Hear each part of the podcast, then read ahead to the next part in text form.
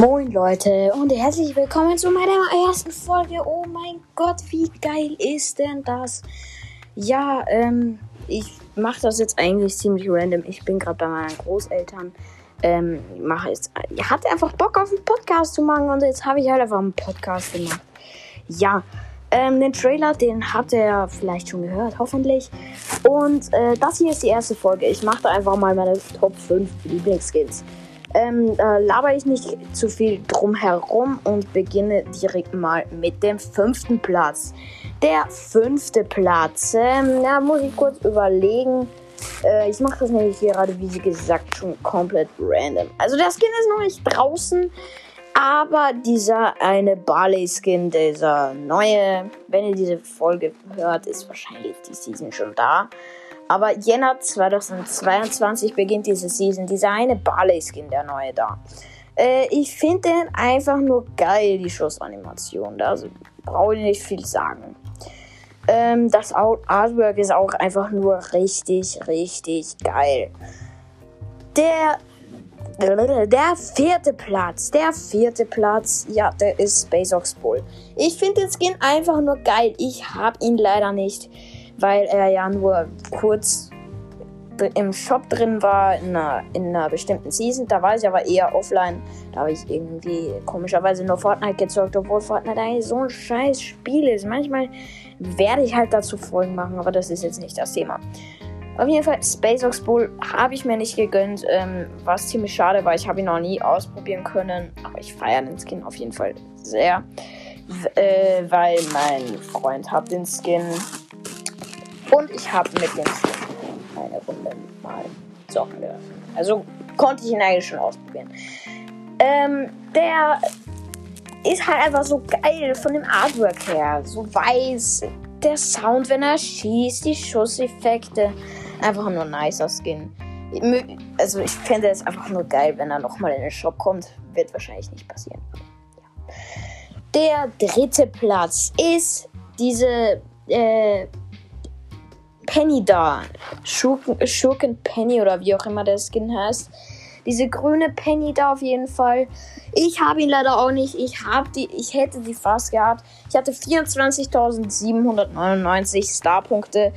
Und dann ist aber genau in dem Moment, wo ich 25.000 erreicht habe, einfach die Season zu Ende gegangen und deshalb konnte ich mir den Skin nicht kaufen. Es war so scheiße, aber der Skin, der ist halt einfach nur geil. Ich glaube, ihr wisst schon, welchen ich meine. Dieses Artwork, die Schusseffekte. Es ist einfach nur ein geiler Skin. Und die, die Top 2 Skins, das war wirklich eine schwere Entscheidung von mir jetzt. Also, ja, was soll ich dazu sagen? Es ist einfach nur geil. Und der zweite Platz ist Schurke Mortis. Schurke Mortis, der richtig krasseste Skin gefühlt im Spiel, bevor die Stargold Skins ins Spiel gekommen sind. Aber darum laber ich nicht, ich will sie noch ein bisschen spannend halten. Jetzt habe ich hier schon viel zu viel verraten. Aber Schurke Mortis, auf jeden Fall, er hat einfach Schusseffekte. Junge, es es ist so geil. Ich hatte den Skin leider auch nicht, aber wenn er mal wieder in den Shop kommt, ich werde ihn mir direkt kaufen. Direkt. Also, der Skin ist direkt bei mir drin, wenn ich dann nicht den ersten Platz-Skin schon habe. Ähm, ja. Auf jeden Fall, der Skin ist einfach geil mit dem Gold. Er ist einfach so blau eingewickelt und dann diese goldenen Streifen. Dieser Tornado bei der Ulti. Es sieht einfach nur geil aus. Ja, der, ich feiere den halt einfach nur. Mortis ist auch mein Lieblingsbrawler, das ist einfach nur nice. Ähm, ja. Der erste Platz ist auch ein Mortis-Skin. Es ist ein Skin von einem Skin. Es ist so heftig. Es ist einfach der Zylinderträger Mortis Stargold. Also, ähm, ich war extrem dumm. Ich habe, also, ich bin auf wie ihr bei meinem Podcast-Bild vielleicht seht, ist mein einziger Star Silver Skin. Ich wollte eigentlich, weil da waren mal nur Star Silver Skins im Shop und da war eigentlich auch ähm, Dings, dieser äh, Zylinderträger Mortis in Star Silber drin.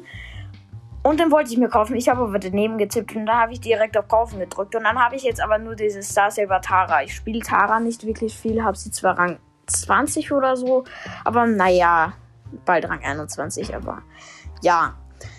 Feiere ich auf jeden Fall nicht so, dass ich den gekauft habe, weil ich finde das Skin nicht so geil und außerdem habe ich schon Straßen Ninja Tara. Ja. Ähm, aber jetzt kommen wir zurück zum Zylinderträger Mortis Gold. Ich feiere den Skin einfach nur. Ähm, es ist einfach nur geil. Was soll man groß dazu sagen? Zwar keine Schusseffekte oder irgendwas, aber das Artwork, das passt so gut zu Zylinderträger Mortis. Und ich feiere es auch einfach so, dass es ein Skin von einem Skin ist.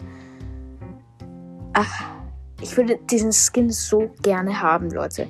Wirklich, das könnt ihr mir glauben, ich hätte diesen Skin so gerne. Aber jetzt geht die Folge schon fast sechs Minuten. Das ist meine erste Folge. Oh mein Gott, und da ranke ich nur fünf meiner Lieblingsskins. WTF, ja, ähm, ich habe halt so viel drumherum gelabert. Deshalb beende ich jetzt die Folge. Und ja, ciao.